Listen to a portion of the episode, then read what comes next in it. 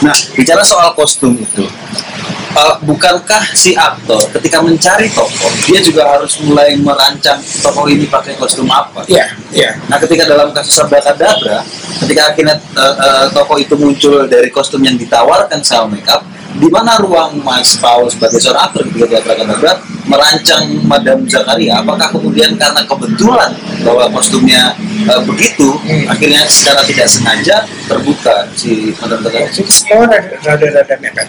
Oke, Uh, jadi aku nggak, aku baru bisa pakai bajunya itu hanya satu. oke. Dan juga mereka biasa di Jogja, Hmm. sedangkan aku di Jakarta. Hmm. Aku waktu itu cuma diukur aja, Hmm. Dan aku tidak punya akses ke baju perempuan ukuran aku. Oke, oke. agak susah. Oke. Gitu. Jadi mostly aku coba pendekatannya imajinasi. Hmm. Sebelumnya aku pernah berpakaian perempuan Hmm. for performance dan segala tapi tidak se ekstrim ini. Ah. Karena basically cuma sebagai drag aja, cuma buat lucu-lucuan buat performance buat bukan menjadi seorang perempuan. Hmm. Hmm. Gimana bisa aja pakaiannya laki-laki perempuan, tapi gayanya masih aku seperti biasa. Hmm. Ini kan aku diminta untuk mengubah banget. Jadi ketika baju itu jadi dan aku lumayan berokok sebenarnya kapan kayaknya aku harus buka bajunya deh. Tapi available baru ambil satu. Dan ketika nemu itu baru langsung. Dan aku coba pakai makeup. Tapi makeup yang aku pahami atau aku kepo bukan makeup uh, showgirl gitu. Bukan showgirls makeup dan benar sangat rumit sangat ya, sampai ada payet di sini dan segala galanya gitu. Dan itu yang dilewati oleh Madam Zakaria showgirls makeup dia makeup panggung setiap malam. Hmm. Hmm. dan baru sampai ke situ aku baru berhasil Hmm. nemuinnya Hmm. karena persiapan sendiri itu kayak nggak terbantu Oke. Berarti uh, bahwa setiap tokoh kemudian punya metodenya masing-masing. Iya. dan stepnya kalau misalnya boleh ku, ku, ku simpulkan sementara adalah yang terpenting sembilan pertanyaan itu tadi. Kalau dari aku itu ya? Uh, kemudian observe itu riset dan uh, nah pertanyaan kemudian akhirnya nyerempet juga ke film Gundala. Nah, di mana dalam uh, ada apa yang ku tahu dan ku baca Mas Joko Anwar memberikan data sejarah dan profil tokoh yang kemudian dalam acting review itu aku mempertanyakan bagaimana caranya para aktornya menubuhkan data-data yang sudah mereka punya. Nah, akhirnya kemudian pertanyaan juga sama pada bahkan pada setiap tokoh yang pernah Mas Paul mainkan, bagaimana cara menubuhkan data-data yang sudah didapatkan itu sehingga kemudian data itu bukan hanya sebagai data yang diketahui saja, tapi data yang benar-benar hidup dalam tubuhmu sebagai seorang tokoh. Kalau in the case of si anggota legislatif ini aku dikasih namanya. Hmm. si Negara Sasmi. Aku dikasih latar belakangnya. Uh, background masa kecilnya dia. Kenapa dia akhirnya menjadi orang yang sangat konservatif dan segala macam pokoknya itu salah satu PR terlengkap yang pernah dikasih seorang sutradara. Itu makanya aku suka banget sama Joko dia selalu sekecil apa pun perannya kita dikasih PR yang banyak Ah, menurutku ketika sudah kita sudah dikasih PR sebagai utama sutradara itu um, tergantung aktornya. Gimana kita mau memproses PR itu? Mau bikin kah mau benar-benar dalamin kah kalau aku sih yang jadinya adalah uh, aku langsung again mulai pas di lapangan mulai terima bajunya dan itu dan aku udah sering pakai suit and tie dan segala aku juga paham postur tubuhku seperti apa. Dan melihat backgroundnya dia dia orang yang sangat percaya moral. Yang sangat percaya bahwa segala kerusakan di negara ini di dunia ini jika kita berpegang teguh kepada agama kepada moral norma-norma lurus semua akan baik-baik saja. Hmm. jadi ketika dia berbicara soal itu dia berbicara dengan sangat percaya dan sangat lantang. Hmm. dan benar-benar memaksakan pendapat dia. Jadi aku temukan dari awal tandanya gestur ketika dia ngomong soal hal seperti itu harus keras Hmm. harus masain masain jadi aku langsung nemuin dia enggak bukan orang yang ngomongnya akan santai begini enggak. Dia akan Hmm. Berapi-api tangannya akan gerak dia akan maju dan aku udah nemu nemunya langsung dan itu ini pendapat dia terhadap situasi ini sangat keras, sangat kuat. Dia sangat takut bahwa akan ada kerusakan moral. Kalau aku sih terbantu sekali dengan background dia, kenapa dia bisa sampai menjadi orang yang sangat moralis. Dan pada saat uh, kayak adegan interview di TV itu um, itu yang dipakai hanya sebagian kecil. Uh, waktu kita take itu improvnya lumayan panjang. Yang lepas dari script di mana aku harus tiba-tiba pidato. Dan benar-benar ya aku yang kayak oke, aku tahu dia ini siapa, jadi pendapat dia pasti akan anti LGBT, anti ini, akan ini, ini, akan keras banget dan pada saat itu juga aku mulai mempelajari politisi-politisi konservatif hmm. yang moralis. Hmm. dan mereka cenderung berisik. Mereka cenderung suaranya lebih keras. Cenderung gesturnya juga gestur yang memaksa hmm. gitu kan? Dan itu yang aku pick up. Dari situ again research. Kembali dari materi yang ada research research kira-kira gestur dan sebagainya kalau aku sendiri sih terbantu ya hmm.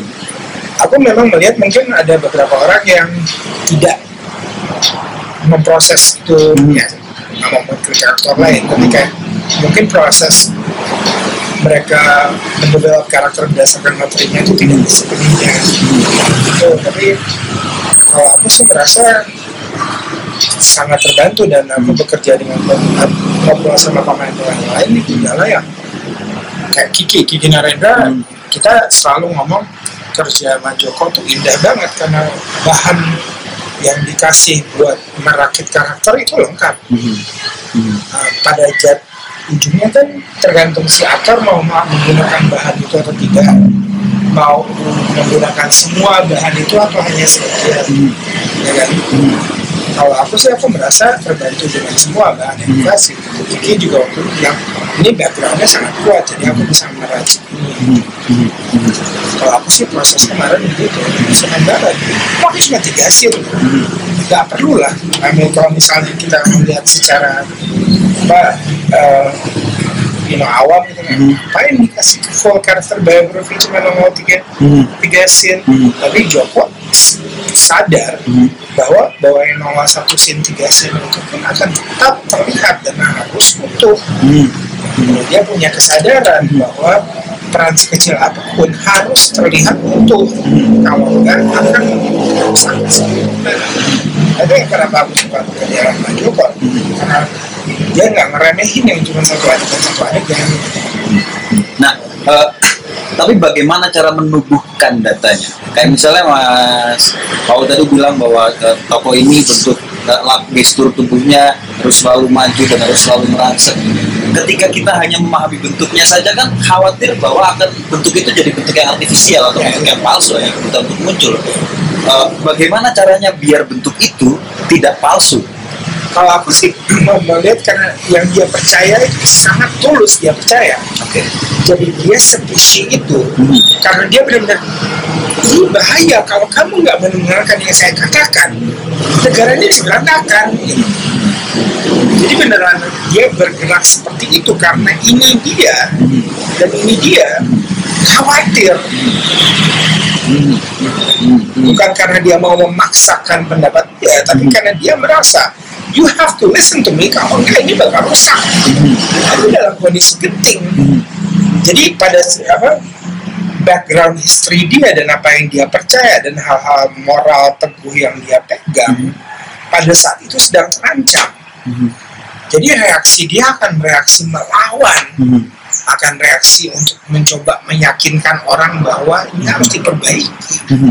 Jadi itu bagi aku jadi logis. Hmm. Gerak tubuhnya karena berdasarkan urgensi yang dia rasakan karena ini bukan karakter dia kan bukan salah satu politisi yang bisa dibeli hmm. ini orang yang sangat jujur hmm. Hmm. Apakah itu artinya cara menumbuhkan data tokoh adalah dengan mempercayai data-data yang sudah didapatkan dan bukan hanya mempercayainya merasakannya oke okay, oke okay kayak okay. menemukan emosi di baliknya. Okay. Kayak data itu menimbulkan emosi apa? Mm-hmm. Data itu plus situasi yang dikasih mm-hmm. akan menjadi apa? Mm-hmm. Karena situasi itu kan kan, pas, kan pasti akan menimbulkan reaksi emosional. Mm-hmm. Nah, reaksi emosional apa yang akan timbul oleh reak- oleh situasi itu kalau data personalnya seperti ini? Simple map jadinya. Karena background karakter dia kayak gini, pasti personality base-nya akan terbentuk nih kira kira orang dengan personality base seperti ini ditaruh dalam situasi ini responnya akan seperti apa? Hmm. Oke. Nah, eh, apakah kemudian ketika menunjukkan ini eh, eh, di di di acting reviewku, aku menuliskan salah satu metode yang dilakukan sama Stanislavski physical action, Ya. active analysis, di mana kemudian data yang sudah didapatkan itu dicobakan berulang Hmm. untuk kemudian dipilih mana yang benar-benar punya tokoh, baru kemudian dilakukan. Apakah cara itu juga dilakukan untuk menunggu untuk membuat eh, data itu jadi milik gitu? Bisa juga. Kalau aku sih cenderung langsung menerjemahkan data menjadi rasa sih. Oh, I see. ya menerjemahkan data menjadi rasa dan itu ya akan ka- aku sangat paham uh, sangat merasa bahwa kalau rasa dipahami rasa akan mendikte tubuh I see. I see. Oke, oke. apalagi kalau misalnya kalau aku sih punya ada satu list tools aktual ini ya, yang menurut ini aku pribadi sih yang mikirin list ini gitu. berdasarkan cara aku kerja nomor satu tuh selalu rasa jadi mulai dari rasa Nomor dua nalar. Rasa akan memicu nalar yaitu semua data dan semua pelajaran yang kita siapkan buat karakter ini akan terpicu oleh rasa. Kalau kita mulai dari rasa yang harus dipegang itu dulu. Lalu setelah itu eh, setelah eh, nalar tubuh karena pasti akan nyambung ke tubuh. Oke. Habis itu ingatan. Hmm. Hmm. Oke, oke, ingatan pribadi, ingatan si karakter, ya. lalu sisa terakhir imajinasi Hmm. untuk menyambungkan yang uh, menyambungkan dan filling in the blanks yang kurang pas, yang belum jelas gunakan imajinasi. Kalau aku sih rentetannya hampir selalu kayak gitu. Oh. Selalu mulai dari rasa dulu, karena rasa akan mendikte segalanya. Hmm. Oke. Rasa akan menginform tubuh, Hmm. rasa akan memicu nalar, memicu data yang sudah kita pelajari. Jadi yang penting adalah kalau dapat kalau alhamdulillah dapat sutradara yang memberi data sebanyak itu, PR pertama adalah menerjemahkan data menjadi rasa. Oke. Oke. Oke. Itu headline yang sepertinya juga perlu digarisbawahi oleh teman-teman bahwa data itu akhirnya biar jadi milik juga harus diterjemahkan jadi rasa. Iya. Karena kemudian rasalah yang membentuk bagaimana tubuhnya harus Iya, berlaku. iya. Aku merasa itu benar banget. Oke. Oke. Menarik, menarik.